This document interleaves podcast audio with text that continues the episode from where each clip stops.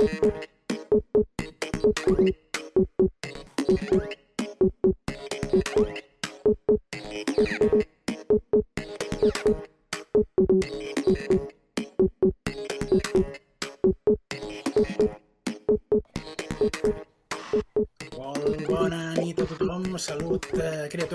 Criatures de la nit, éssers fantàstics i gent despistada. Estàvem la mar de tranquils fent el friqui pel nostre compte, però ens han invocat un drac bibliòfil i lletraferit i ens ha reunit perquè us parlem de llibres, d'extracti, d'obres, de ciència-ficció, de fantasia, de còmics, de llibres sobre cinema, sobre videojocs, sobre marxandatge o sobre maquinetes. En definitiva, hem vingut a parlar-vos de llibres de cultura dispersa, de manera que prepareu-vos que toca multivers especial de Sant Jordi i ens sentireu de tots colors sobre unes lectures suculentes i sobre coses ben poc importants però que ens importen i que fan la nostra vida més amena. Avui parlarem de llibres i, per descomptat, com sempre, de les nostres merdes. Tenim entre nosaltres la devoradora de llibres arquera i rolera a temps parcial, Anna Ramírez, alias Biblosfera, Bona nit.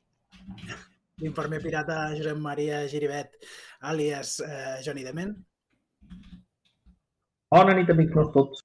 l'administrador de sistemes i sex símbol dels Muppets Jordi Martínez, l'inafable Jalabob, Hola a tothom. i qui us fot la xapa és el plom incommensurable Jan Ros amb el nom Jan Terrabastall. Què m'expliqueu? Quines recomanacions heu portat? Em penso que començarem amb tu, Anna. Comencem. Doncs vinga, començo jo. Començo recomanant no un llibre, sinó una col·lecció, així comencem a lo grande. I recomano la col·lecció Club Victòria de l'editorial Viena.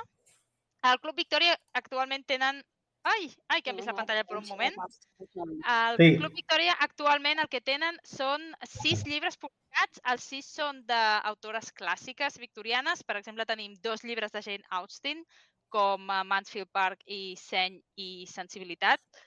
Um, també tenim les germanes Brontë, hi ha una varietat de llibres, la col·lecció s'està expandint. L'últim que han tret uh, d'aquest mateix 2022 és uh, Jan Eyre, de Charlotte Brontë. A més a més, cada llibre va acompanyat amb una tassa temàtica a joc amb el mateix estampat que la portada. Hem tingut avui un debat sobre si hem d'ensenyar les tasses o no, perquè aquests nois no tenen sensibilitat victoriana, ja us ho dic.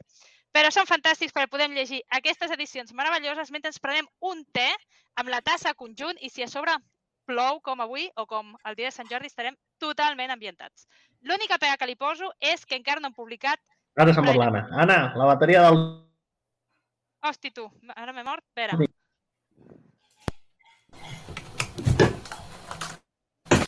Em sentiu? Em sentiu o no ara? Sí. Jordi, digues alguna cosa. Ara, ara. Canvi de headset exitós. Et sento, et sento. Estic... Pues Jordi no, fot cares cares. No, no surten les coses. Ara, sí, jo, jo, jo estava sentint tota l'estona. Què ha passat? Ah, bueno, com no deia res, digo, aquest no sé si s'entera o no. Ah, aquí estic, aquí estic. Ens sentim tots? Sí, Sí, Pues Sí, això, sí, sí. la meva única pega. Viena Edicions, ja us ho he dit per Twitter, sisplau, Pride and Prejudice. Ens falta. És imprescindible. No podem seguir Anna, vivint amb aquesta no col·lecció. sentir-se't. Hosti, tu, no, en sèrio que no se'm sent? sí, jo t'estic sentint. Jo sí. El, el Ah, que vale, passa doncs és Josep Maria. Crec que és el Josep Maria que no vol ni els de l'editorial, que no, No. no t'han fet cas. Pots, pot ser que no se la senti per Twitch? I que... Uh, sí, a veure si algú de la... A veure, algú xat ens pot dir si això per Twitch? o a tots o qualsevol dels quatre, si hi ha més problemes dels que nosaltres ja estem uh, percebent. A veure, algú, algú, ens en sentiu per Twitch? A veure, Ai. ho explic. Jo, perdoneu per ha el mòbil, queda fatal. Algú. Ara s'ho sent bé, eh, això?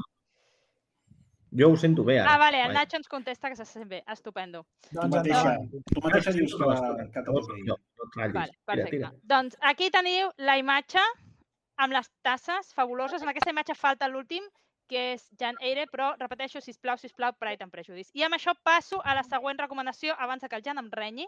La següent recomanació és un llibre de Laura, Lauren Beukes.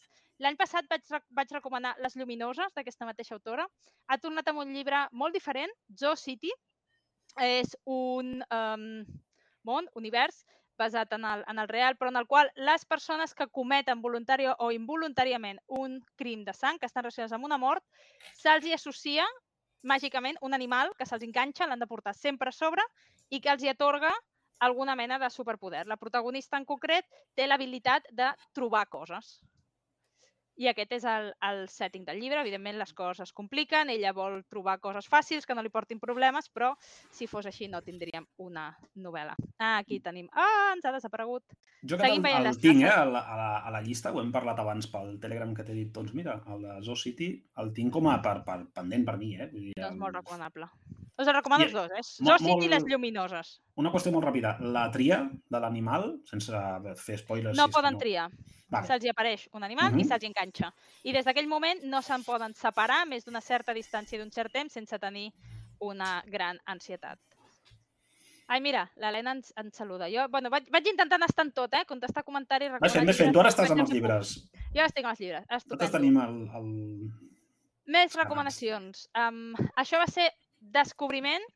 Um, L'extern, Ada Hoffman, és una barreja de space opera i horror còsmic que a més està protagonitzada per una persona neurodivergent, um, que, és, que és una cosa que, que, està, que està molt bé i dona una perspectiva molt diferent.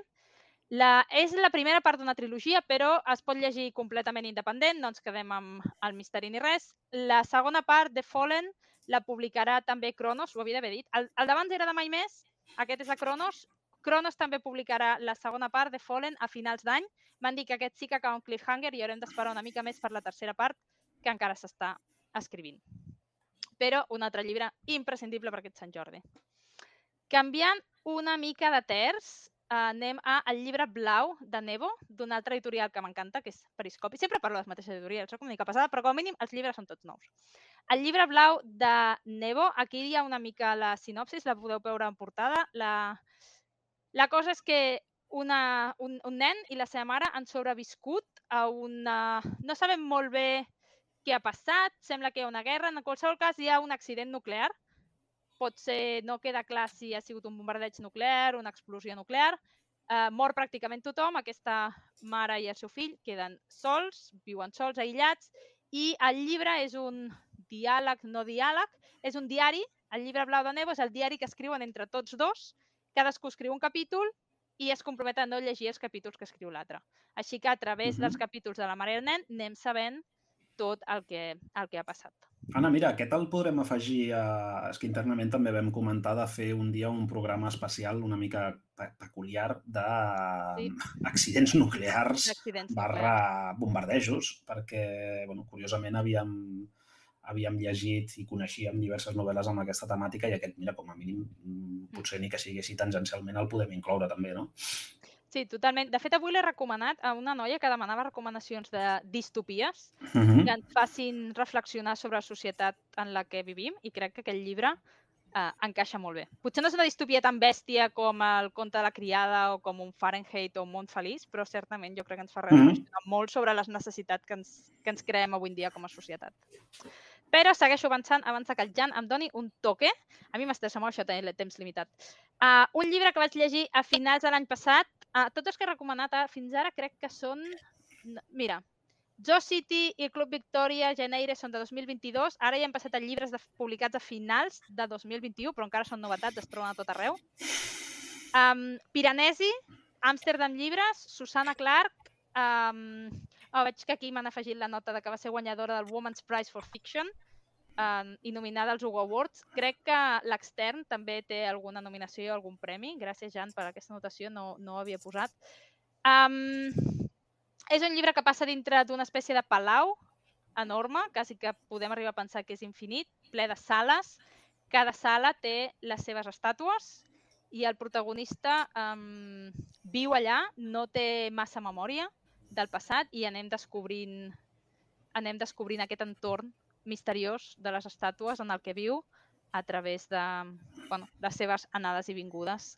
És, és un llibre fantàstic. A mi, va haver molt hype a, a Twitter amb aquest llibre, igual que l'extern, de fet, que va ser una cosa que va fer que trigués a llegir-lo perquè pensava no serà per tant. I quan el vaig agafar vaig pensar, oh, Déu meu, l'havia d'haver llegit abans. Així que si no l'heu llegit, um, una de les recomanacions estrelles d'avui, si més no de la meva secció, dintre de que tots són superestrelles.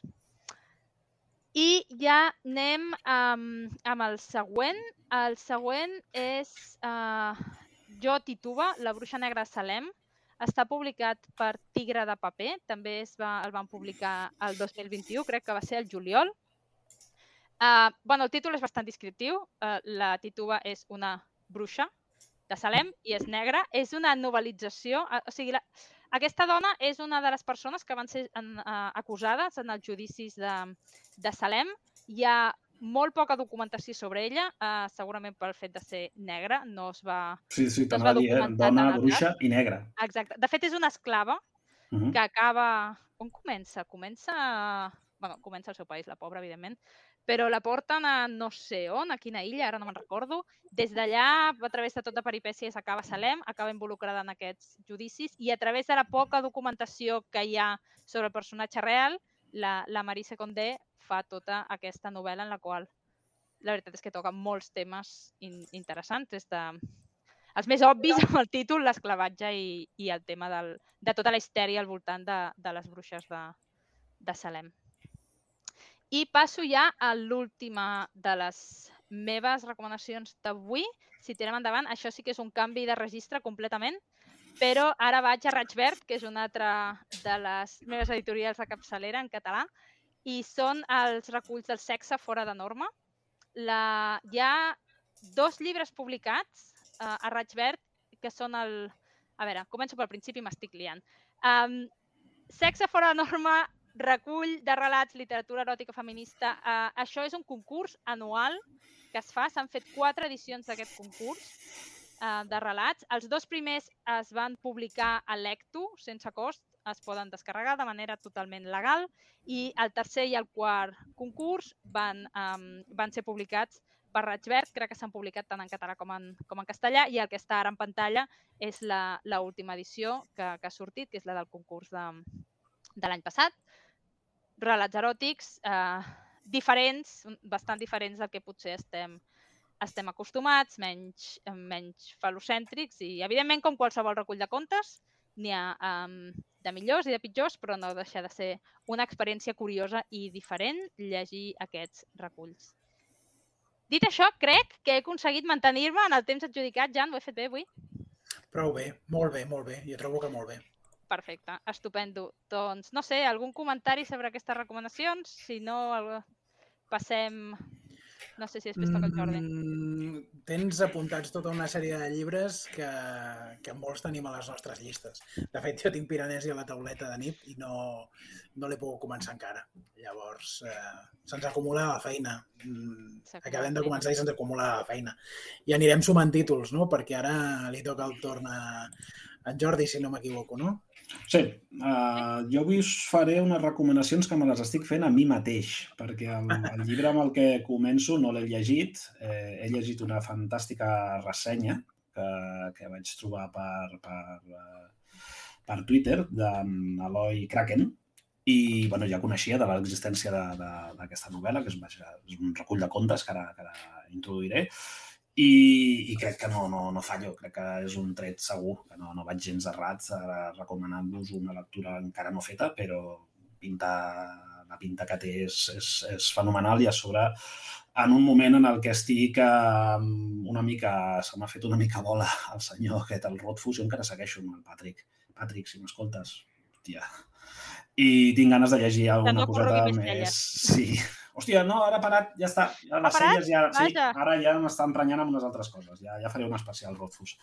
Uh, volia una coseta lleugera de ciència-ficció uh, i he trobat el Barcelona 2059, que és una antologia en forma de fix-up. És un terme que jo no coneixia i que m'ha agradat conèixer. Sempre veus, sempre se- s'aprenen coses que no deixa de ser això, no? doncs un recull de diversos autors no? Una novel·la no? que donen doncs, forma doncs, a un tot. No? Uh, és un recull de contes, un recull de contes fantàstics uh, que tenen o segueixen un rerefons comú, és a dir, no va cadascun de forma deslligada, sembla que no va cadascun de forma lligada, han de seguir, segueixen una sèrie de, de patrons o, o regles, no? aquesta línia temporal, que el títol mm, ja veieu que, que descriu, Barcelona 2059, i ens, eh, ens explicaran totes aquestes històries, no? una mena de història, un futur posthumanista no? a la ciutat de Barcelona en la que eh, creix davant del mar, davant del nostre estimat mar, una, una illa, un nou, com un nou barri, no? que, es, que se'n diu la, la Neoicària, no? i a partir d'aquí doncs, eh, és bueno, doncs una sèrie de tot un seguit de relats on, on sembla ser que hi ha un to molt, molt pessimista en el que s'enfoca doncs, a diverses problemàtiques relacionades doncs, amb la tecnologia, aquest posthumanisme, un univers molt típic del que ens agrada segurament a tots els que hem llegit sense ficció, aquesta barreja no? cyberpunk i steampunk i, i futur eh, pitjor del que tenim al present, cosa que cada cop em costa més de, de discernir de si el present ja no està encabit dins d'alguna de les novel·les o pel·lícules que hem vist eh, tots i totes en, en, en la nostra vida. No? És una novel·la coral, és una novel·la de, de diversos autors. Tenim Roser Cabré Bardiell, Ivan Ledesma, Salvador Massip, Jordi Nopka, Belolit, Ricard Ruiz Garzón, Laura Tomàs Mora, Carme Torres i Susana Vallejo d'acord? Uh, és de uh, Mai Més, Mai Més Llibres, l'editorial és Mai Més Llibres, i el tinc aquí, al costat, no és, bueno, és un, un recull de contes que, que tinc, la veritat, moltes ganes. Faré, faré un petit kit-cac i estic convençut que me'l me cruspiré en, en un no res per, per les ganes que tinc de fer aquest, eh, aquesta aturada rofusiana i perquè de veritat tinc moltes ganes de, de llegir-ho i de llegir doncs, eh, sense ficció que porta per títol el nom de la nostra ciutat, com deia el Núñez, no? el Núñito.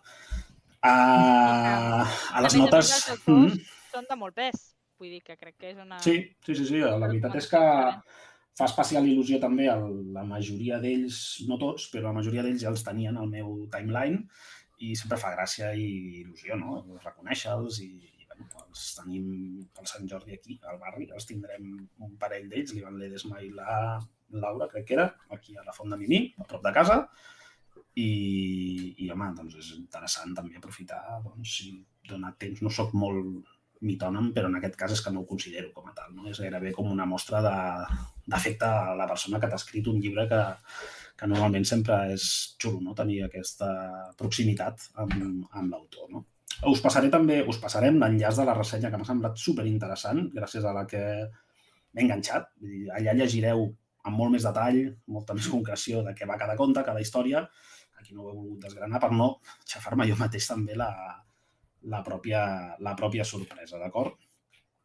Um, la següent recomanació és un, un còmic per tots aquests uh, pares que tenim fills, filles, prepúbers, preadolescents, adolescents, potser ja se'ls escapa una miqueta no? amb aquests rang d'edats que anirà dels 10, 12, 13 anys, no?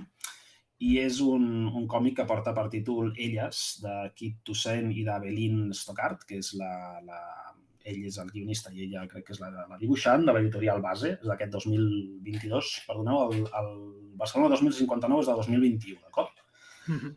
L'Elles és del, del, del 2022, és el volum 1, Tenim ja editats dos volums, en català crec que només està el, el volum 1, el volum 2 l'he vist en, en francès, i a part de que ha estat una tria que ha fet la, la Laia, la meva filla, m'ha semblat molt interessant, m'ha agradat moltíssim, uh, m'ha agradat moltíssim l'estil, el dibuix, i la història doncs, eh, parla d'una noia que canvia de barri, canvia d'institut, s'ha d'integrar en una nova vida, un nou institut, i eh, a, comencen a passar tota una sèrie de coses a partir de les quals els amics, companys de, de l'institut detecten que, que no estat del tot sola, que podrien ser més d'una ella, d'aquí el títol Elles, no? Aleshores, cinc eh, personalitats ben diferents i totes elles doncs, amb el contrapunt eh, que marca el, el que fa una persona. No? Al final no tots són monolítics i aleshores eh, moltes elles fan, ella en aquest cas, i m'ha semblat una, una idea interessant per, per compartir amb, amb la Laia, perquè jo també me'l llegiré. I bueno, m'ha semblat un còmic interessant per, per recomanar. El següent llibre, aquí ara ja entrem, el següent títol que, que he posat a la meva llista de recomanacions, ja entrem una mica amb el que ens és propi de l'edat i és un títol que es diu La història de Dinàmic, la companyia, bueno, la mítica i famosa companyia de, de creació i distribució de, de, de videojocs, sobretot, bueno, sobretot no, diria que exclusivament a l'època dels ordinadors de 8 bits. Jo vaig tenir un Spectrum, un Spectrum 128K, i és, eh, és un llibre amb una edició molt, molt, molt, molt acurada, vull dir, és d'aquests llibres que paga la pena tenir a la teva estanteria, si pots llegir-lo i mirar-te'l millor, tot i que tots hem tingut alguna vegada aquests llibres que fan més bulto que, que una altra cosa, però en aquest cas a mi és una part de, de història que sempre m'ha interessat moltíssim, la dels microordinadors, els, eh, vindrien a ser els pioners no? de tots els que van obrir camí en el món de, de la creació de videojocs i especialment eh, aquest cas està molt localitzat aquí, a, a l'estat espanyol, no? perquè Dinàmic era, era espanyola. L'autor és Jesús Martínez del, del Bas i en el pròleg intervenen Pablo Ruiz, Víctor Ruiz, Nacho Ruiz, els senyors Dinàmic i Luis Rodríguez, que, doncs, que crec que va ser un dels primers programadors que, que va tenir la, la companyia. I el darrer, que jo recomano, també, no és d'aquella època, probablement eh, l'origen sí que és d'aquella època, però jo ja el vaig veure una miqueta més gran, és el, el manga, el Dash Capell, que jo no sabia que es deia Dash Capell, que per mi, i per, crec que molts de vosaltres, és el Chicho Terremoto, uh, aquest marrec eh, minúscul, petitó, que feia de tot menys jugar a bàsquet. La majoria de capítols que jo recordo amb més estima i que més m'agradaven eren la carrera de los superhombres, un cop que es quedaven en un castell o un torneig de ping-pong. Doncs a mi em feia això una, una gràcia especial. Doncs ara l'editorial Quimo ha fet una nova edició. En Parufito, avui em comentava per, per línia interna que ja ell en tenia una de fa bastant de temps, no sé qui la va editar amb anterioritat, però bé, sempre va bé recordar aquests eh, mangas que ens van agradar doncs, a, a l'adolescència, joventut, i en aquest cas doncs, jo us recomano el, el Chicho Terremoto i els tres puntos col·lega que deia la traducció d'aquí. A veure com, com ens ho trobem. Molt bé, doncs eh, em sembla que no hem pogut ensenyar la portada d'elles, si puc la recuperaré després. Eh, si vols agafar el relleu, Josep Maria si vols agafar el relleu. Podem intentar a veure com va això. Eh, perquè com no ho sento en directe, perquè va com el cul, el, el portàtil aquest da per lo que da i, bueno, us he anat sentint així a trossos. Va, jo la veritat és que estic llegint molt, però molt poc en, en llibres o en un format físic. Ja sabeu la meva addicció a Webtoon, eh, on hi puc dedicar hores diàries a llegir una dotzena de mangues o més, o no, més. Eh, I, bueno, no queden tantes coses per recomanar per Sant Jordi perquè són totes digitals i la gràcia de Sant Jordi és donar una cosa física allò per regalar i, i que pugui interessar algú. Llavors, la meva primera recomanació és Maus, que és un llibre del 92, si no recordo malament. Eh, va ser Premi Pulitzer. Eh, bàsicament és important perquè és la biografia de l'art, no, de l'art, no, perdó, del pare de l'art Spiegelman, que va estar en un camp de... Bueno, va veure la Segona Guerra Mundial i va estar en un camp de concentració nazi.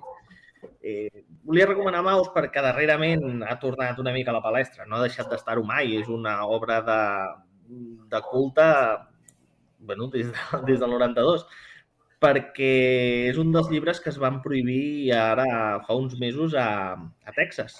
A les biblioteques públiques de Texas va ser un dels llibres que es van retirar mm, a demanda d'associacions de pares i, i em sembla una pèrdua important. És un llibre dur, però mm, amb molts detalls de dibuix impressionants que quan te n'adones dius, hòstia, aquest tio en sap molt amb una narrativa molt currada, molt, hòstia, molt, ben, molt ben trobada per explicar tot l'holocaust nazi i totes aquestes històries horribles d'una manera que, bueno, com veieu, els maus els són ratolins i són els jueus i els gats són els nazis i els han de caçar. Bueno, és, jo crec que és una lectura obligada per tothom mm, per tenir una mica de, de, de culturilla del que va passar i que és amena de llegir. O sigui, no, no, no és pesada. Sí, sí que se li nota anys, però és, és... És dura, eh, però? Sí, vam, vam fer un esment de, de, en un programa passat, no? de tot el metallenguatge, no? de tot allò que hi havia també al, al voltant. Ara us, sí. sobretot a tu, Jan, o tu mateix, eh?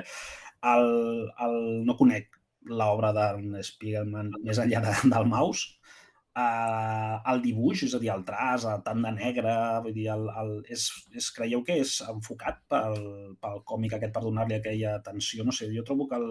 O, o se li escau, no sé. És, és, una tria, és una tria estilística de, de Spiegelman. Mm -hmm. De fet, ell, ell ha treballat eh, bastant en blanc i negre, però sobretot aquí el que fa és eh, fer servir un traç bastant gruixut sí. que a més també retrata bastant bé una, una època. Ell ha fet alguns dibuixos també mm, eh, humanitzats amb un estil que recorda Maus, però potser quan més eh, crus són aquests dibuixos és quan, quan fa servir aquests, aquests animals sí, sí, per retratar les persones. Sí, perquè aquí la portada la veiem en color i no recordo que tingués és tot Mm, blanc i negre i, i aquesta sensació de, de grisó, no? de, de tristor profunda no? que, que, que emana, evidentment. Mm -hmm. Aquesta és la portada de l'edició catalana, si no recordo malament. De fet, el Jan... Digues, Josep Maria, que s'ha tallat. No, no, anava a dir del, del llibre aquell que m'has ensenyat avui que desconeixia que existia, el de Metamaus, Metamaus. que analitza tot això. Podien fer 5 cèntims ja posat. Sí, si us, si us interessa l'obra de Spiegelman i concretament eh, la seva manera de passar pels sedars de la, del seu dibuix, eh, les memòries del seu pare, i no només les memòries del seu pare, perquè eh, Spiegelman el que fa és parlar de com intenta que son pare li expliqui el que va viure i, i ho, ho aconsegueix amb prou feines en molts moments, no? I, i Maus és el testimoniatge d'aquesta experiència d'intentar de, d'estirar la llengua d'un supervivent de, de l'Holocaust. No? A, a Metamaus hi ha moltes explicacions de com va ser aquest procés de creació de l'obra i també hi ha aspectes compositius i estilístics que estan molt ben explicats eh, per boca del, del mateix Spiegelman i després de, de, de gent que ha analitzat l'obra. No? Eh, és, un, és una delícia, no diria ningú que, que, no, que comenci amb Metamaus si no ha llegit Maus, eh? però, però em, sembla, em sembla que és un, una obra que és un suport a la lectura de Maus i, i si voleu treure'n tot el suc, eh, si, si no coneixeu Metamaus i us va agradar en el seu moment Maus, llanceu-vos-hi de cap. Em sembla que, que aparentment són molt simples els dibuixos de Spiegelman, però en canvi eh, Metamaus ofereix explicacions de per què aquesta simplicitat, per exemple, o per què la composició de pàgina molt sovint amaga molts més ressorts narratius que no sembla.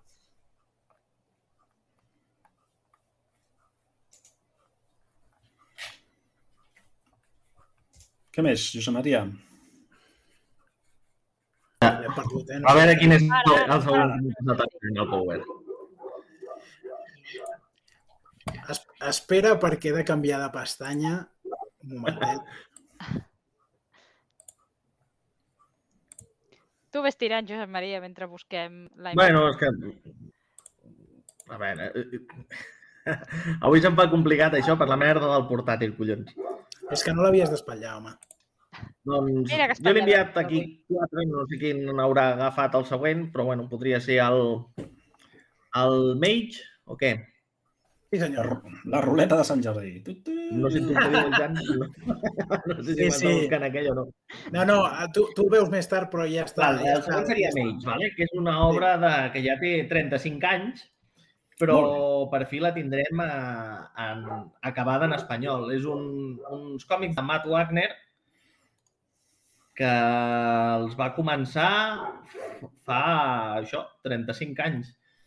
I havien quedat eh, sense acabar. Eh, l'última part d'Ero Deniet la va acabar el 2017, va trigar un tou, molt més del que hauria d'haver trigat, també per un tema de llic... per un tema de, de, de llicències i, bueno, mmm, el, ara eh, Planeta Agostini està recopilant el, els tres volums del, del còmic tots junts en, en una edició actualitzada. Vale? Eh, Mage és un còmic de, de superherois, però una mica poc a l'ús, lligant amb la mitologia de, del rei Artur. I és, a mi m'agrada especialment perquè és una molt bona l'evolució de l'héroe. el primer volum és el, el descobriment de que té poders i el que fer i, i, i, bueno, i afrontar aquesta nova situació. El segon, eh, el segon que es deia pim, pim, el, el, la definició de l'heroi, eh, on ell ja assumeix que és un heroi, que té rivals i tota la mandanga. I l'últim, que encara no he llegit perquè no s'havia arribat a editar en espanyol, clar, evidentment, què passa, noi? I estava aquí intentant esperar que l'editessin per tenir els tres, perquè els editava Image.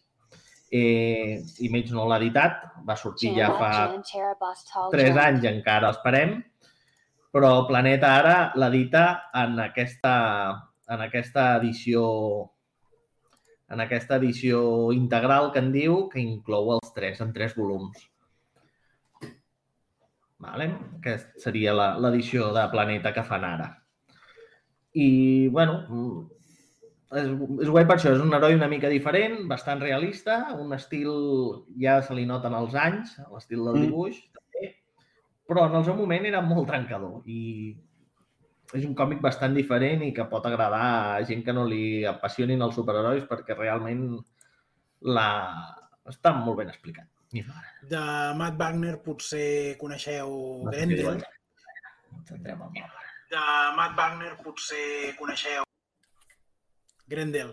Deia que Grendel és un altre, un altre personatge de Matt Wagner també molt característic i de fet és, és una obra que uf, també és susceptible d'anàlisis di diverses. Mm, és un personatge Grendel que ha estat reprès per autors diferents de Matt Wagner, que tenen un art potser més cridaner que el seu, però els conceptes rere aquests herois, tant Mage com Grendel, eh, són, són realment molt trencadors i molt diferents pel que fa al tipus d'heroi característic o de superheroi característic del, del comic book americà. Per tant, no sé, bona, bona recomanació, Josep Maria.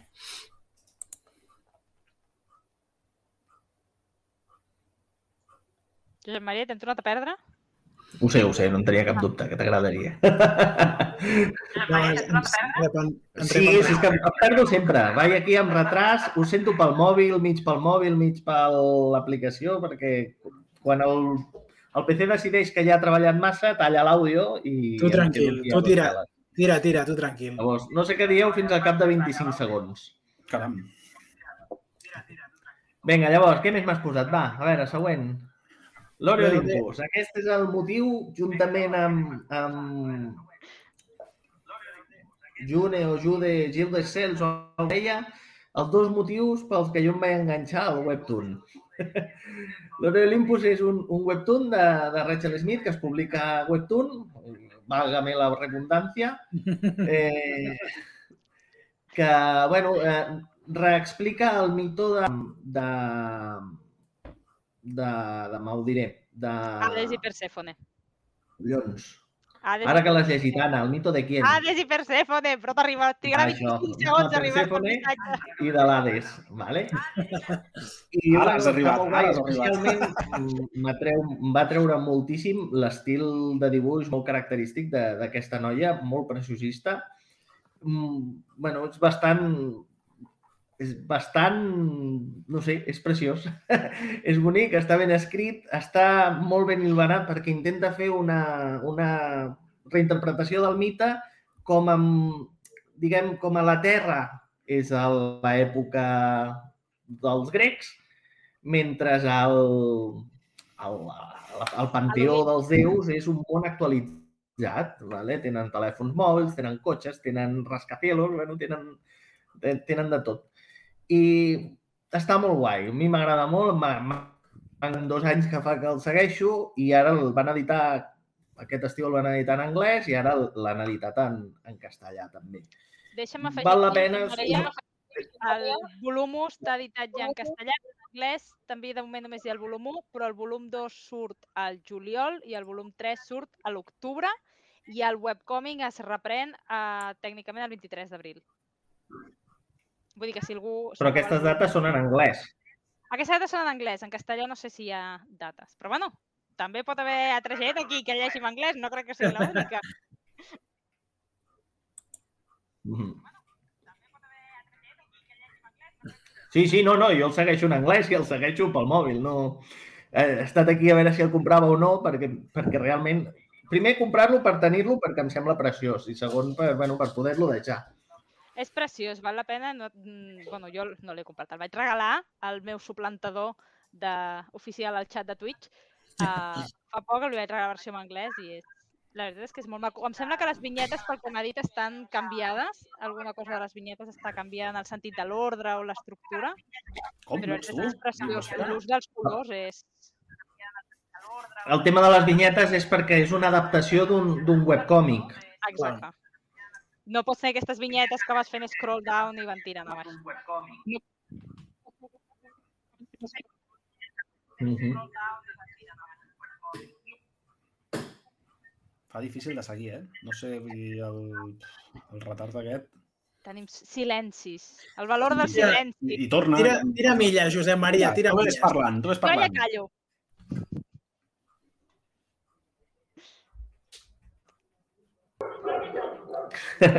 Vale, va, l'últim eh, és el pitjor de tots, però és una debilitat que tinc, que són els, els eh, diguem-li, els... No sé, sabeu quan jugàveu a, de petits amb els, amb els He-Mans o amb les Tortugues Ninja i tal, i sempre guanyaves? Doncs el, el solo leveling o, o molts còmics que han sortit a, a continuació d'ell eh, són una mica això. No està especialment ben escrit, és eh, bastant preveïble tot, eh, pots seguir la història i imaginar-te el que passarà a continuació, però mola. I mola quan el veus anar guanyant i això. El solo leveling és un dels primers, és un, també un webtoon. Els coreans fan molt que primer fan una novel·la i d'aquesta novel·la, o una web novel que en diuen, i d'aquesta web novel després en fan un webtoon. Vale?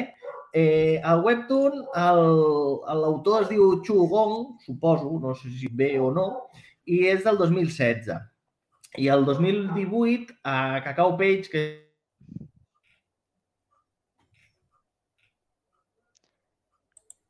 Soc jo o ens hem quedat sense el Josep Maria?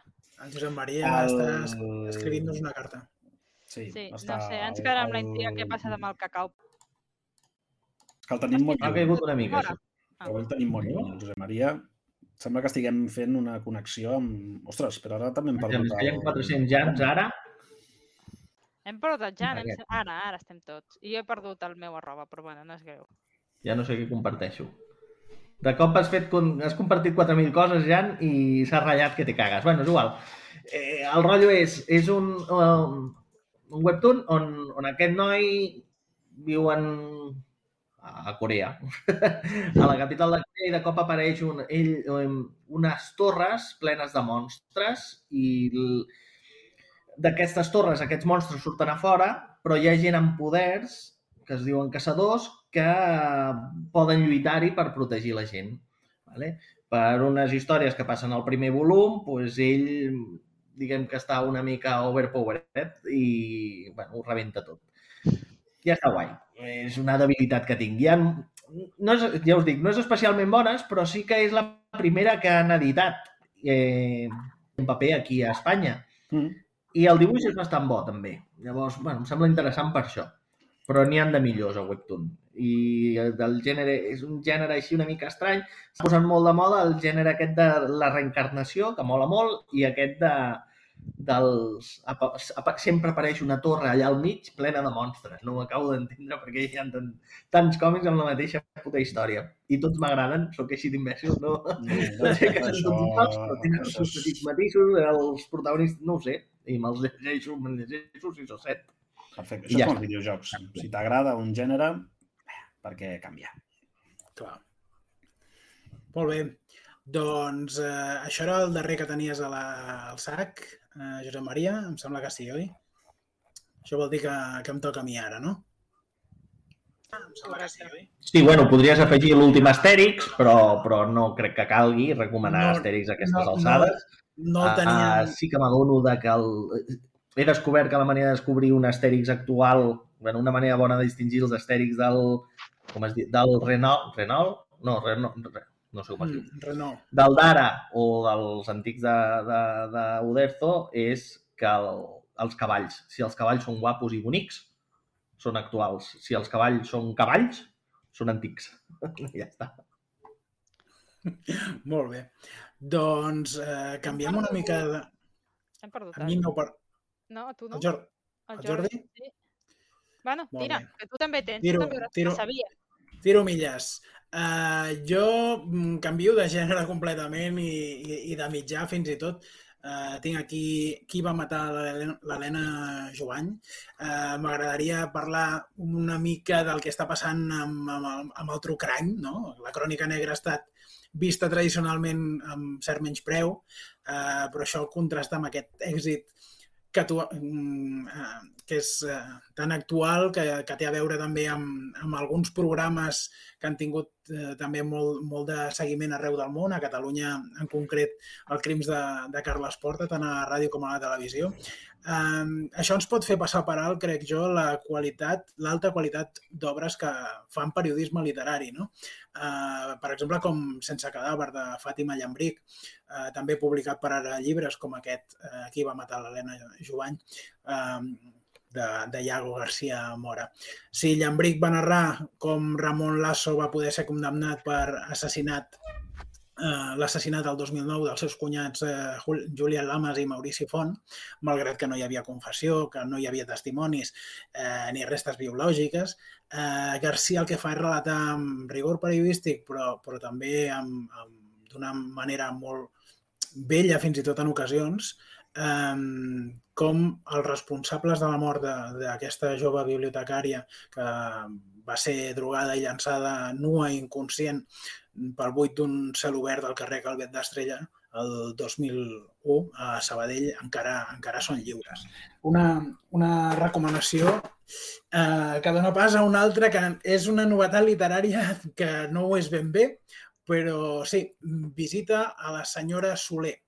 Eh, es tracta d'un llibre de Manuel de Pedrolo. Eh, Pedrolo va morir el 1990, però tenim la sort que s'editi per primer cop una, aquesta novel·la inèdita seva. No és la primera novel·la inèdita que s'edita després de la mort de Pedrolo, després en parlarem, però eh, el que té d'especial és que aquesta estava desapareguda. Tampoc no és l'única novel·la de Pedrolo desapareguda, però què és el que ha passat amb Visita a la senyora Soler? Doncs eh, l'autor del mecanoscrit del segon origen, trajecte fi final, totes les bèsties de càrrega, va eh, haver d'entregar aquesta obra a la censura el, i el 1971 se li va perdre la pista. No? El censor mm, literari va dir que tenia una altra qualitat literària però que no podia, no podia tolerar mm, la publicació de Visita a la senyora Soler perquè era una obra que eh, era massa eloqüent i sobretot defensava mm, un, un paper de la dona eh, que de cap manera podia ser consentit pel, pel règim. No? Eh, Una respecte, perdona que, que t'interrompi. Digues, digues, digues. De, del censor m'ha recordat un altre llibre que vaig llegir fa molt poc, de, com es deia, La ciutat dels joves. Ara no recordo l'autora. Ah, algú em tira un cable, sabeu qui és l'autora? No sé. Has dit la ciutat dels joves? La ciutat dels joves, sí. I és el, el que venia a dir de la ciutat dels joves és que és molt interessant perquè al final del llibre et posa l'informe de censura És, és de, la, de la germana de Prudència Bertana, de l'Aurora Aurora. Bertana. de l'Aurora Mhm. Bertran, això. Doncs em va cridar molt l'atenció perquè precisament eh, aquest llibre sí que va passar la censura amb, amb restriccions i amb retalls, però és molt interessant que al, al, al darrere et fiquen, reprodueixen el reprodueixen els, els informes de censura, n'hi ha dos o tres. Llavors em preguntava si la visita de la senyora Soler han, han fet el mateix o no, perquè realment ho vaig trobar, Sí, ho vaig trobar sí, sí. Es de una inmoralidad de fondo mucho más que de forma tan enorme que- que consideramos imposible su publicación. Eh, en el pròleg també hi ha un fragment de la mateixa carta que justifica la no aprovació d'aquesta obra literària per la seva impressió, eh, explicant que aquesta obra literària té una gran qualitat literària. O sigui, Sí, sí, és, és un contrast molt bèstia. Mhm. Per, com que defensava la llibertat sexual de la dona no podia ser publicada, però el, el censor que signa la carta de rebuig devia ser un absolut fanàtic de Pedrolo, perquè... No, no, no ho dic de broma, eh? val la pena llegir Sí, sí, és que potser hauríem de fer un recull de, de cartes de censors, perquè, escolta, la veritat és Clar. que amb, aqu amb aquella retòrica tan típica i tòpica de- de- Sí. d'aquell funcionari d'aquella època. No?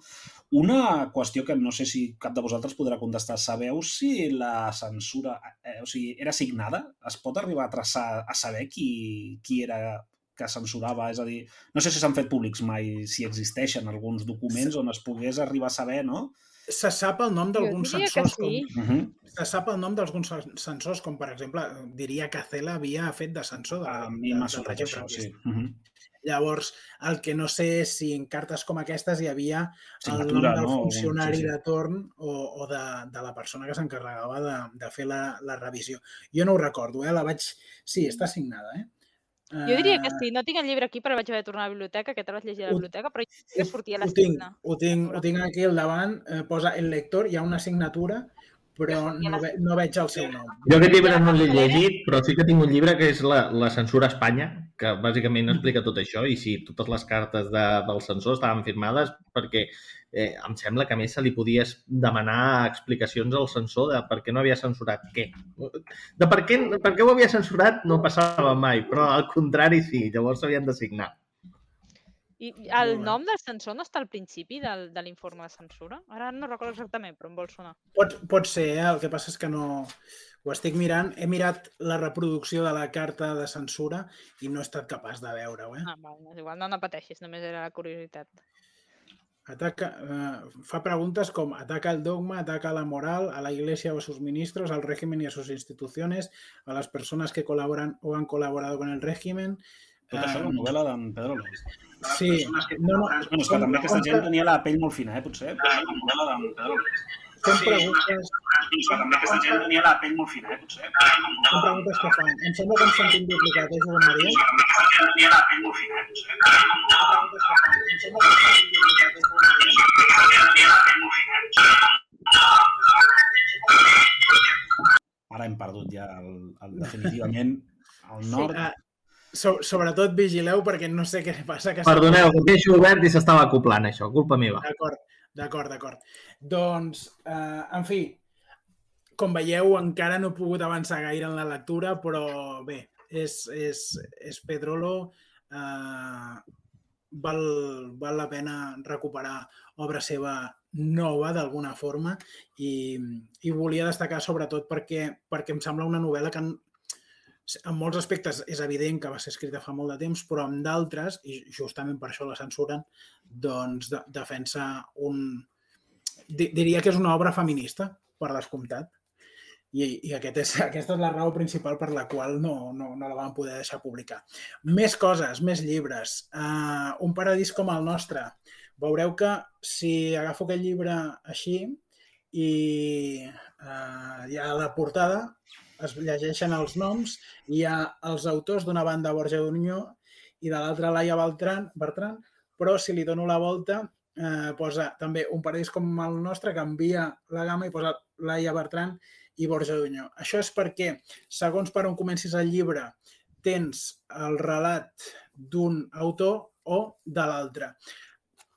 De què parla un paradís com el nostre? Uh, amb la pandèmia sabeu que molta gent s'ha plantejat de canviar les grans ciutats per indrets, diguem-ne, de dimensions més habitables, ritmes més eh, reposats i saludables. Això és el que van fer la Laia Bertran i la, en Borja Dunyó, dos periodistes que són parella. En Borja és, eh, és el, el meu coordinador al time, al time Out, o sigui que eh, fa, fa temps que el conec. No el recomano per cap mena d'amiguisme, el llibre m'està agradant molt. Um, I és el relat de com aquest canvi de vida que ells fan, deixar la gran ciutat per anar a unes altres latituds, en el seu cas eh, les, les Terres de l'Ebre, el que ells anomenen la, la Califòrnia catalana, se'n van a viure a Amposta, que són, és, és la ciutat eh, d'origen de, la, de la Laia Bertran, doncs hi ha, hi ha tota una sèrie de contrastos que viu la família i, i de canvi de vida que, que em sembla que fan venir de gust doncs, els que vivim en una gran ciutat de, de reflexionar i pensar si paga la pena de viure d'aquesta manera i, i, i si hi ha una altra manera de contemplar, de contemplar la vida. A banda d'això, em sembla que està molt ben escrit, hi ha uns passatges molt macos, hi ha un, una sèrie de reflexions que fa en Borja concretament, en què compara el parlar eh, a què ell està acostumat de la ciutat amb, amb el que ha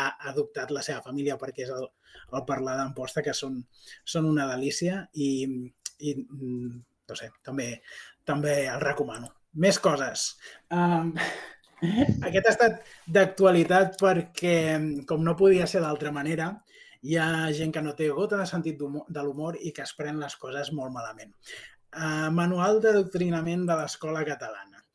Uh, suposo que aquests dibuixos us sonen, són els dibuixos de Pere Prats, que l'Òscar Dalmau no ha tingut cap vergonya de eh, hackejar, per dir-ho d'alguna forma, i d'adaptar en un suposat manual d'adoctrinament de l'escola catalana. No? A classe de català fem poemes, només ens aproven si escrivim textos crítics amb la monarquia coses així, no? Aquest és el senyal de perill que hi ha a la sortida de totes les escoles catalanes, serveix per alertar la població, surt en perill nens adoctrinats, no? Totes aquestes coses, hi ha gent que se les està prenent seriosament. A la portada hi ha una ratlla de cal·ligrafia en què eh, hi ha una línia de punts que s'ha de seguir eh, per part dels nens i que diu Espanya en roba. En fi, sentim a dir molts disbarats sobre com els docents de les institucions educatives catalanes adoctrinen els alumnes, que potser el millor que podem fer és eh, fotre'ns-en, i això és el que fa l'Òscar Dalmau amb la seva sornegueria característica. Aquest llibre eh, comença amb una llarga cita textual d'un inclit parlamentari d'ultradreta aquí no paga la pena dir el nom, però que explica les coses d'una manera que tots sabem, els que escoltem això, que no té res de cert, però, però que hi ha gent que s'ho creu. I la prova és que s'ho continuen creient és que hi ha hagut també un partit d'ultradreta que avui penjava una fotografia d'aquest llibre i que comentava que un llibre per nens defensa que eh, s'ha de fer cal·ligrafia en frases com aquesta, Espanya en roba. En fi, potser l'únic que ens queda és riure'ns d'aquestes frases així de, de lamentables i de, i de fatxes. Uh, més coses. Jo també us porto un còmic, El cercle, el cercle de l'Oplop, una aventura de Francesc Pujols. Uh, suposo que us sona Francesc Pujols, escriptor, crític cultural, filòsof, bon vivant, eh, il·lustrat, un personatge genial de la cultura catalana que més n'ha influït d'altres de personatges genials, entre ells eh, Josep Pla o Salvador Dalí. Eh, Sebastià Roig i Francesc Pujols el que han fet és convertir eh, aquest Uh, perdó, i, i, i Toni Benages el que han fet és convertir Francesc Pujols en un, en un personatge de còmic. I uh, realment els ha sortit bé l'experiment. He de dir que originalment, veieu, el primer àlbum era aquest. A mi em fa molta ràbia quan en canvien el format. I, I li fa tanta ràbia que s'han anat així.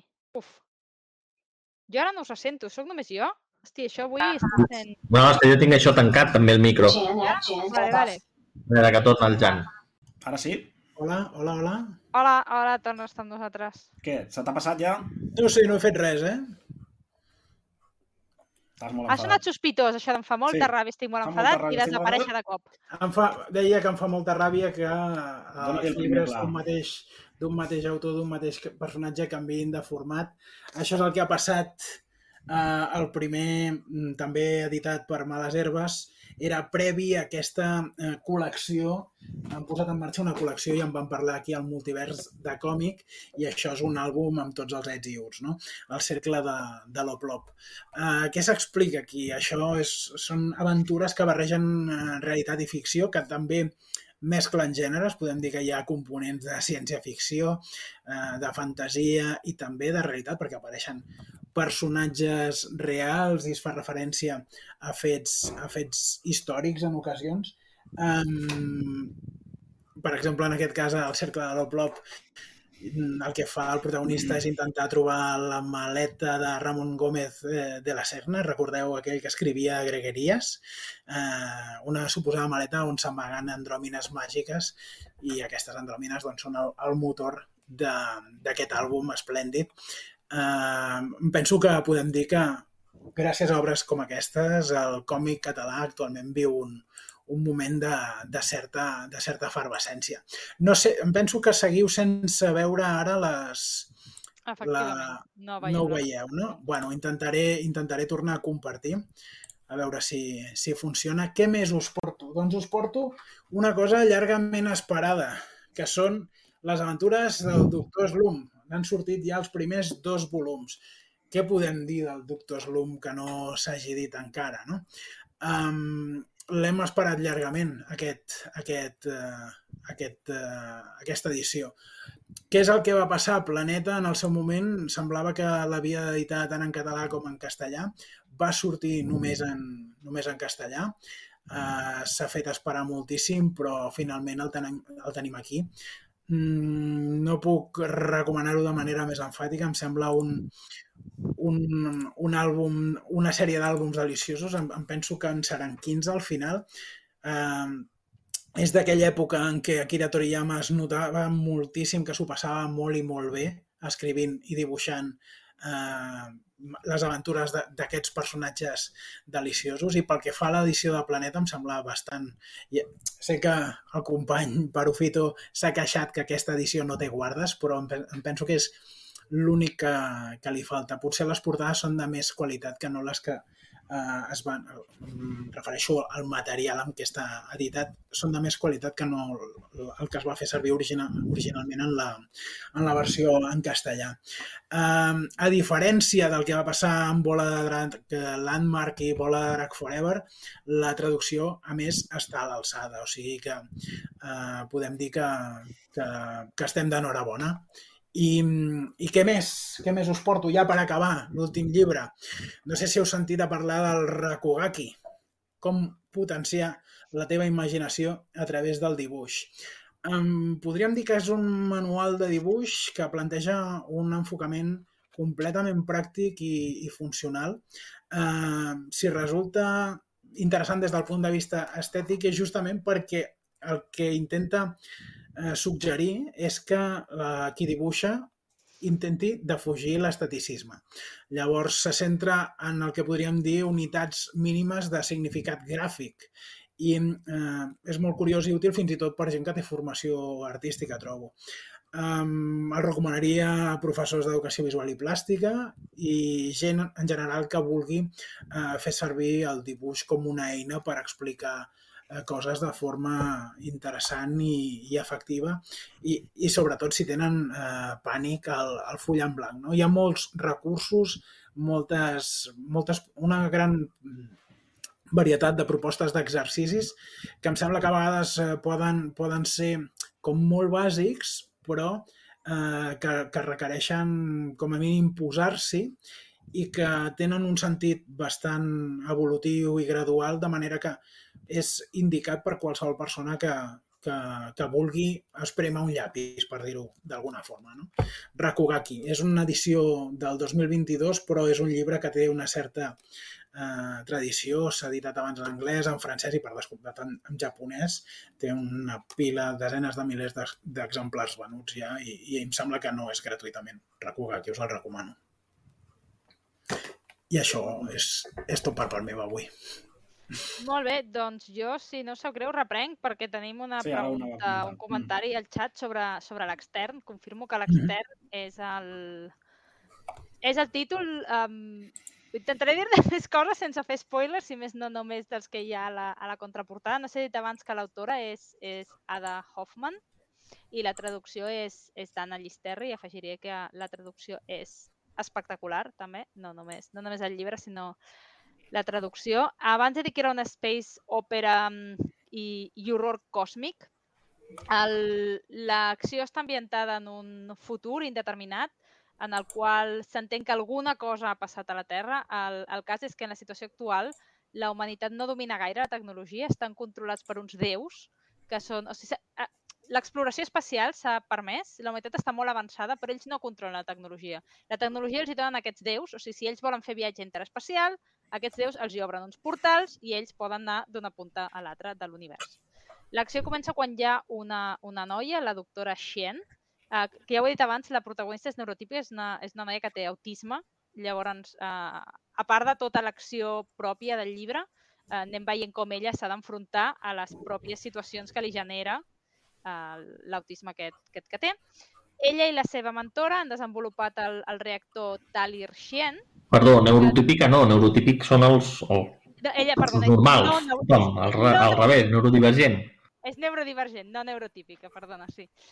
Um, han desenvolupat aquest reactor Talir-Xien, els déus els estan permetent desenvolupar-lo, amb el qual permetrà, és la primera nau espacial desenvolupada pels humans per fer viatge uh, com inter... M'estic quedant sense paraules avui, eh? ja és l'hora. Els hi permet viatjar per l'espai sense haver de, de dependre dels déus, però bueno, la, la novel·la comença que aquest dia s'ha desenvolupat aquesta nau, es fa la presentació i al cap de pocs dies, puf, s'han quedat sense, s'han quedat sense nau, explota i es queden sense nau. Llavors, la... he dit que l'han desenvolupat entre ella i la seva mentora, la seva mentora està desapareguda i llavors aquesta noia es posarà a buscar la doctora Talir a veure si pot arribar a saber o descobrir què ha passat i què ha fet que, que falli el reactor. I llavors, a mesura que anem avançant el llibre, hi ha coses que són inexplicables però que cada ens van recordant més aquest horror còsmic Lovecraftià. Vull dir, al principi no és gaire evident, però a mesura que avances són evidents les picades d'ullet a, a Lovecraft i és realment una obra molt interessant, que a més a més um, jo sé que ara potser hi ha gent que pensarà tot això que es diu ara tant avui en dia, com és que és forçat, s'introdueixen grups, però no és forçat. Vull dir, simplement, com dèiem abans, la, la protagonista és, és neurotípica, hi ha personatges LGTBI. El que veiem no és una diversitat forçada, sinó la diversitat que hi ha simplement en el dia a dia i que, i que moltes novel·les l'obvien completament. Vull dir, queda completa i totalment integrat i realment ja, és, un, és, un, és un llibre que, que fa goig a llegir, és interessant, enganxa moltíssim, manté la intriga i, i com deia, a més a més és autoconclusiu, vol dir que es pot llegir només la primera part i després a finals d'any es pot comprar la segona i llavors esperem a que estigui publicat també la tercera per llegir les dues últimes del tirón que vaig estar, vaig estar comentant tant amb, amb l'editorial com amb, com amb l'Anna Llisterri que, que sí, que tot i que el primer és autoconclusiu, el segon sí que ens deixa una mica de, o ens deixarà quan estigui publicat i el puguem llegir en català amb una mica de cliffhanger. I exacte, com diu l'Helena, la, la diversitat és, és Això natural sí- i és simplement com queda reflectit. Això sí l'escriu, que la gent quan és, No, no. quan és qüestió del tercer... No, això no es pot dir. L'escriurà, està en procés. Ja està, ja està. No traguem temes controvertits, l'escriurà. Que si no m'agafa alguna el Rothfuss, eh? És que ell mateix, jo crec que se'ls ha llegit. Vull dir, el Rothfuss el que li ha passat és que ell mateix ha llegit la seva pròpia obra i ha dit, hòstia, mare de. I, i ho deixo. Jan, una pregunta sobre el cas Helena Jovany. Mm, Vaig, és que vaig escoltar fa ben poc, mm, ara crec que va ser a podcast ràdio, al- al- a l'autor, i no em va quedar clar com, respecte, clar, a la notícia molt, molt, molt candent, molt, molt actual, de que s'havia reobert a fins a última hora, sabeu, no?, el, el, el, el cas, no? És a dir, el llibre, ell entenc que extreu les seves pròpies conclusions, les que siguin, vull dir, no, no entro en quines conclusions són, no? però això de quedar fora, evidentment, de la, de la novel·la, qualsevol no? novetat tan, tan... És a dir, ell, ell suposo que deu arribar fins a un punt i a partir d'aquest punt treu les seves conclusions i tu, doncs, com a lector... Vaig per, vaig per la meitat del llibre. I mm, una de les coses que sé és que eh, es diuen noms i cognoms eh, s'a- s'apunta directament això ja havia passat en algun moment, no? però hi ha un epíleg de la Carla Vall, advocada especialista en eh, agressions sexistes, eh, que mm, hi, hi, ha, hi ha un epíleg que, que sé que, si voleu, us llegeixo el fragment que hi ha a la contraportada. Mm, ara no se m'he deixat, no? Aquí. Uh, el llibre diuen que va més lluny que no s'havia anat mai, sobretot entre altres coses perquè una cosa que no havia fet la policia amb, amb rigor, sembla, és eh, demanar un pèrit informàtic que revisés a fons l'ordinador de l'Helena Jovany. Llavors se n'han extret algunes pistes i eh, el llibre parla d'això. Mm, pel que fa al, al que diu... La... Ah, no, està, està a la solapa que no la tinc aquí, perdoneu. Però, Bueno, però vaja, cas, era que, el, que el, res, fa molt poquet. De fet, estaven sobre la botzina, eh? El, el, la reobertura. Sí, el- Bueno, havia de de- fet, el van reobrir, el van Perquè retancar, si no, no? la família es va queixar molt Correcte. perquè va ser molt sospitós la manera que es va re retancar i sí, just al, al límit de temps sembla que s'ha tornat a reobrir. era el febrer d'aquest any quan prescrivia. Si no recordo malament, eh? jo originalment em penso que era el, el 2025, però em, em penso que hi ha detalls, no conec a fons la Eh, causa, sí, però... bueno, de qui havia estat eh, imputat d'alguna manera prescriu en un temps, qui no, era un, crec que era abans. Saps? És a dir, algú que ja hagués estat eh, imputat d'alguna manera en anterioritat, eh, doncs crec que doncs, és com una pròrroga d'aquesta possibilitat de reobrir-ho, i els que no, que crec que era el cas concret de, de la persona o les persones que, que ara tornen a entrar en joc, era que no havien estat originalment, eh, tot i que bueno, indicis n'hi ha i... Bueno, hi ha Em penso que hi ha tres investigats nous. Uh -huh. Sí, alguna Llavors, mm, el que us deia és que Carla Vall, que és criminòloga experta en violències de gènere, posa a l'epíleg les paraules que ningú no ha emprat en més de 20 anys i les paraules que diu són aquestes. Ho guardava tot amb l'esperança d'esgrimir-ho algun dia com a prova en un judici. Però el paper dels escrits de la Montse havia començat a fer-se malbé de tantes mans que els havien grapejat. Es refereix als papers de la Montse Careta, que eh, va estar investigada i empresonada com a sospitosa principal i es va acabar suïcidant a la presó, segurament perquè encobria algú. La majoria de periodistes que s'interessaven en el cas només eh, per un dia mm, remenaven aquests papers, aquests papers eh, s'erosionaven i cada cop es, estan, estan més fets malbé. Les caixes encara feien olor d'ella, però la fragància era cada cop més dèbil i temia que es perdés per sempre. Clar, eh, han passat ben bé 20 anys, no? El 2001 mm, és el moment en què és assassinada l'Helena Jovany. Mm, hi ha tota una sèrie d'infortunis en, en, en la, la instrucció del cas eh, per no titllar-los de, de negligències, perquè se suposa que tothom intenta fer el millor que pot la seva feina, però, però de vegades no, aquestes intencions no són, no són prou... No, no, no. no s'aconsegueix fer el, el que es vol fer, em sembla. I, i aquí hi ha, d'una banda, eh, doncs, el drama d'una família que ha perdut un, una persona estimada, però de l'altra, doncs, un altre nom eh, femení, un altre nom de dona, eh, que, que doncs, entre diverses persones van posar fi a la seva vida per un, diuen, un joc macabre. Jo crec que el que, el que volien d'ella era una cosa que l'Helena Jovany no volia donar. I eh, això és el que fa tan terrible un cas que, que bueno, pels qui no ho sapigueu, doncs hi ha una sèrie d'anònims que s'envien, un parell, si no recordo malament, d'anònims que s'envien, es deixen a la porta de casa d'Helena Jovany amb eh, menjar i beguda. I eh, en aquesta beguda hi havia droga i en un dels casos doncs, l'Helena la va ingerir perquè pensava que, que qui li deixava aquestes notes i aquests, aquest menjar i aquestes begudes eren amics seus. Llavors, segur que els assassins era gent que coneixia l'Helena.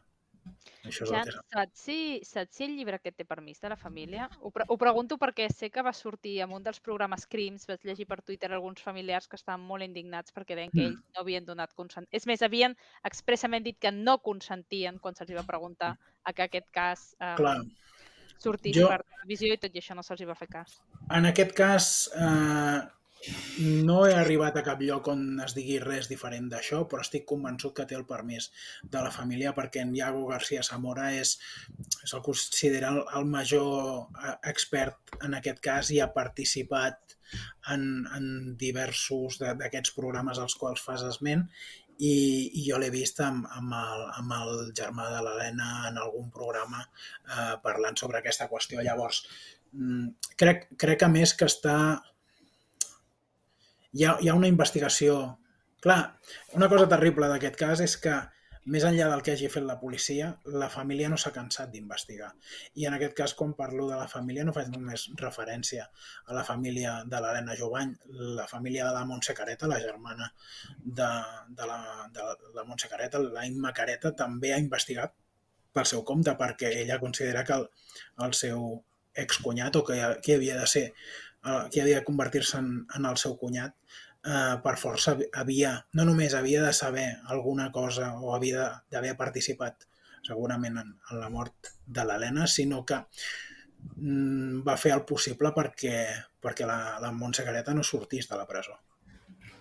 Llavors, eh, és, un, és un cas molt, molt bèstia eh, i són, són molts anys. Bueno, sempre he tingut la sensació que, que em sentia proper a la víctima perquè és només dos anys, era només dos anys més gran que jo, eh, era una persona que escrivia i, i que, que havia estudiat periodisme i era eh, afeccionada a la lectura, va fer de bibliotecària.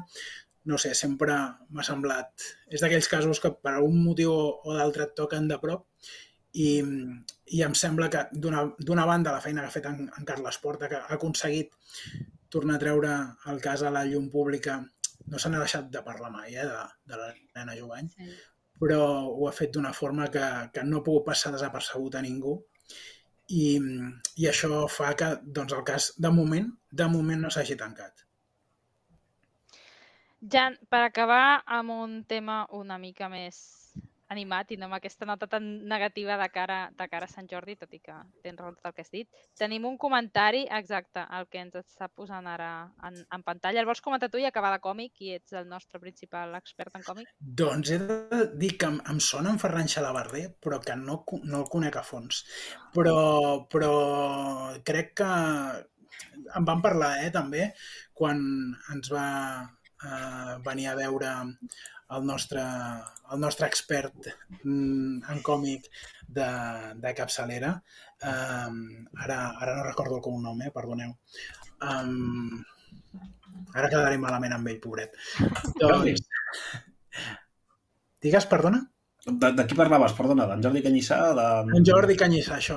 Quan va ah. venir a veure'ns en Jordi Canyissà en van parlar, no? Hi ha um, artistes com, com Enric Sió, per exemple, que ell és molt conegut a fora, però no tant a casa nostra, o, o dibuixants com per exemple, veus? És que últimament sóc patètic amb, el, amb els noms, però hi, hi, ha, hi ha dibuixants que em mereixerien, per exemple, tenir un museu del còmic català i, i, i, i no, no, no el tenim o no el tenim en les condicions en què es, es mereixeria. Um, doncs potser hauríem, hauríem d'investigar una mica. Recomana'ns alguna obra uh, de, de, de Ferran Xalabarder. Oniria surt, ens ha recomanat. Mm -hmm. Molt bé. Doncs, per exemple, l'autor de... Avui que hem parlat de Pedrolo, si, si coneixeu eh, el còmic del manuscrit del segon origen, no? eh, doncs, doncs super recomanable el còmic del, mm? del manuscrit del, del segon origen a càrrec d'Isidre Monés i Pons. Aquest, aquest còmic, són dos volums, són, és una meravella el dibuix en, en blanc i negre. Em penso que el mateix Isidre Monés estava eh, preparant ja fa anys una versió en color. Eh, perquè si busqueu aquests dos àlbums que es, mm, la col·lecció tires de còmic, ara no recordo bé de quina editorial, sé que era la col·lecció tires de còmic, um, va publicar ja fa una pila d'anys. Avui dia no, no és possible trobar-ho, però, però és, un, és, és, és una obra impressionant eh, i, i em sembla una molt bona adaptació de, de la novel·la de, de Pedrolo. Eh, són, són autors que, que no, no, no coneix el gran públic, però que hauríem de donar a conèixer. I jo m'apunto en Ferran Xalabarder, perquè ja dic que em sona el, el, el nom, però no en conec l'obra. Molt bé. Doncs alguna altra cosa que vulguem comentar? Alguna altra recomanació d'última hora en preparació? Ah, mira, una última cosa. Espera, el xat. Ho he vist primer el mòbil que la pantalla. A veure si arriba. Una última cosa. Aquí no podia tenir de passar d'una novel·la a fer-ne un còmic. Ah, mira, jo comentaré, jo, no, poques vegades comento còmic, jo hi ha una novel·la que no... Jo reconec, ara, ara quedo fatal, jo reconec que a mi no em va agradar massa la novel·la, que és um, Matadero 5, de Kurt Vonnegut, però en canvi del còmic no l'he llegit encara, el tinc... està pendent, però, però n'he llegit n'he llegit meravelles del còmic, vull dir, la, la gent que l'ha llegit, que m'ha comentat, el deixen molt bé. Clar, al final tot és eh, passar una novel·la a fer-ne un còmic, passar una novel·la a fer-ne una pel·lícula, al final és, és fer la història més accessible d'alguna manera. També és allò del traductor i traditore, vull dir que no, no Mm. serà mai el mateix que el material original, sempre hi haurà un canvi. També potser aquí és una cosa menys comuna. El Josep Maria comentava abans del manhwa que comença uh, com a webcòmics, després fan, fan còmics o novel·les gràfiques. Això també passa molt al Japó, que una cosa pot començar amb un, amb un manga, acabar sent una pel·lícula, passant per ser un videojoc i una novel·la curta, i aquesta barreja de formats és molt, és molt comuna. No sé, com què, què penseu vosaltres? Creieu Jo que el format ajuda en aquest sentit? Perdona, algú anava a parlar i no... Jo no va dir això que diu l'Anna. Uh, el còmic de, de, del Fuego de Ender d'Orson Scott, d'Orson Scott Card que va fer la Marvel està prou bé. Tot depèn de, de l'obra original i de qui la fa després. O sigui, bàsicament és, és l'important. I això, el que deia l'Anna, el manga normalment s'origina com a novel·la, després el fan en, en webtoon o, o inclús en anime i... bueno, en anime, no sé com es diu l'anime coreà, la veritat. I, i queden bé. Anime? Bé. Si, si el manga es diu Manhwa, Anim- l'anime es diria Animue. Animue. Segurament. Perdoneu-nos, eh, que segur que hi ha, ha algú que li agrada. I fem, aquest... Si algú, fem si aquest algú ho sap, estem fent broma, si algú sap, que ens ho digui pel xat. Jo, jo recomano, um, a veure, hi ha molt, molts experiments d'aquests, eh? Uh, en Sánchez Pinyol, eh, la novel·la de Victus eh, l'ha convertida en, en còmic, eh, ara no recordo, també ho haureu de recordar el nom de, del, no sé si era en Víctor García Mora, um, i, i em penso que, que és una bona translació. Uh, hi ha molts experiments en, en aquest cas. Mm, recordo que Símbol Editors va llançar fa un temps una sèrie d'adaptacions al còmic de, de, de personatges clàssics de, de novel·la, com per exemple Dràcula, com per exemple, com per exemple Tom Sawyer, i, i que estava bastant bé. Mm, amb, jo, jo diria que no hi havia cap dels volums d'aquella col·lecció que potser va tenir una vida efímera, eh, però jo en tinc tres o quatre, que estaven, que estaven realment bé. I també m'agradaria dir que no tot són adaptacions directes, de vegades el que ha són experiments molt interessants en, en un mitjà diferent. Per exemple, no sé si coneixeu el Peter Pan de Reggie Loisel. Um, és, un, és una, una espècie de preqüela del, del, del Peter Pan de, de Barry i, i, és, i és un còmic molt interessant mm, que té algun aspecte fins i tot demolidor i perfectament coherent amb, amb l'obra de Barry, tot i que eh, tot el que s'explica és eh, una història nova que, que explica l'origen de Peter Pan i eh, vaja, és que no puc recomanar-ho més enfàticament.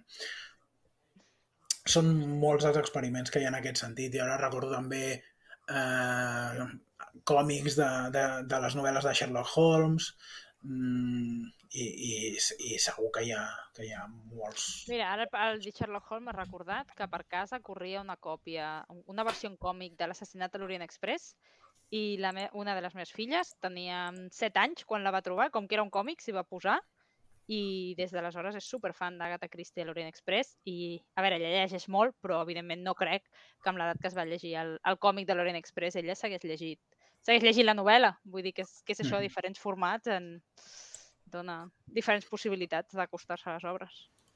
Perdoneu, jo També havia cal dir que com tot, eh? Per, per exemple, hi ha el còmic del Quijote, però Don n'hi ha no raja i és igual de, de pesat i lent que, que l'original. Perdoneu, jo havia dit que era d'en Víctor García Mora, el Victus, però no, és de- d'en Cesc eh, Dalmasses, i, uh, Carles Santa, Santa Maria i Cesc Dalmasses. M'agrada m'agrada el porc senglar aquest que corre per la pantalla.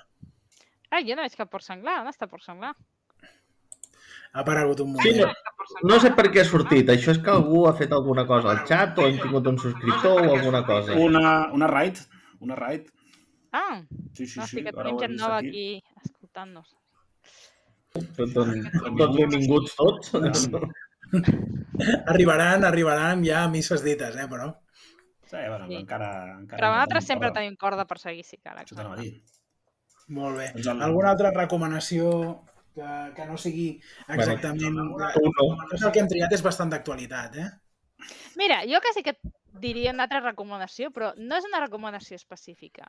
És anem, passegem, comprem, que ens cridin l'atenció llibres per la portada, busquem coses que potser no n'haguem sentit a parlar, que no hagin estat recomanades, que no siguin d'autors de superèxit que n'ha sentit tothom.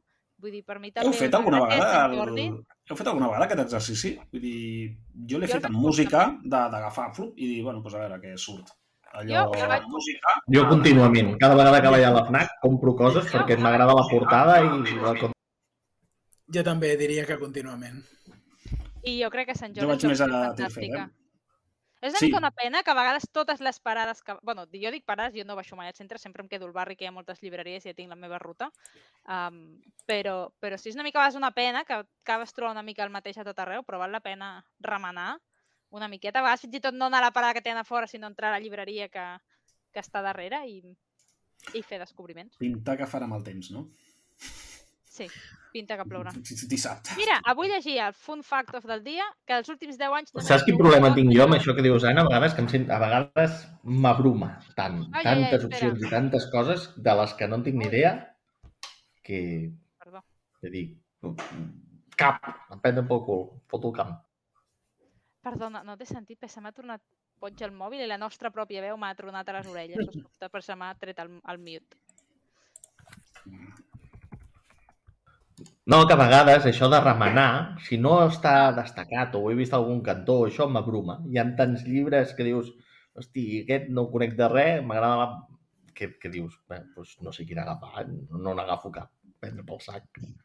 Eh, I també he tingut molt feliç. fracassos èpics, eh? també amb això d'agafar llibres una mica a l'atzar, però... No, no, és el, clar, és el risc que es corre amb el llibre, pel·lícula o amb el que sigui, eh? Vull dir, si no tens cap referent, però cap ni un, a banda de les caràtules, vull dir, és que, és que és per un programa, eh? Caràtules que ens han enganyat a la vida. Jo tinc, eh? Vull dir, jo sóc carn de videoclub i allò era, hòstia, hòstia, mira que xulo. Però quan parlem de No, però jo era de gent vestida, eh? Vull dir, l'altre no enganya, l'altre crec que no enganya massa.